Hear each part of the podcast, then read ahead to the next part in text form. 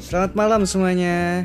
Buat yang dengerin malam, gue ucapin selamat malam. Kalau buat yang dengerin pagi, selamat pagi. Dan kalau buat dengerin sore ataupun siang, gue ucapin selamat sore dan siang. Nah, kali ini gue sama adik gue bakal ngebahas soal sekolah.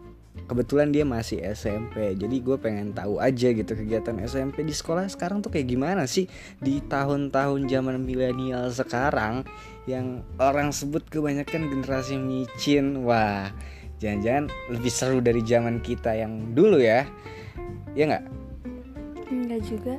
nggak juga katanya apa tuh yang bisa dibilang nggak juga tuh kayak gimana Gimana ya?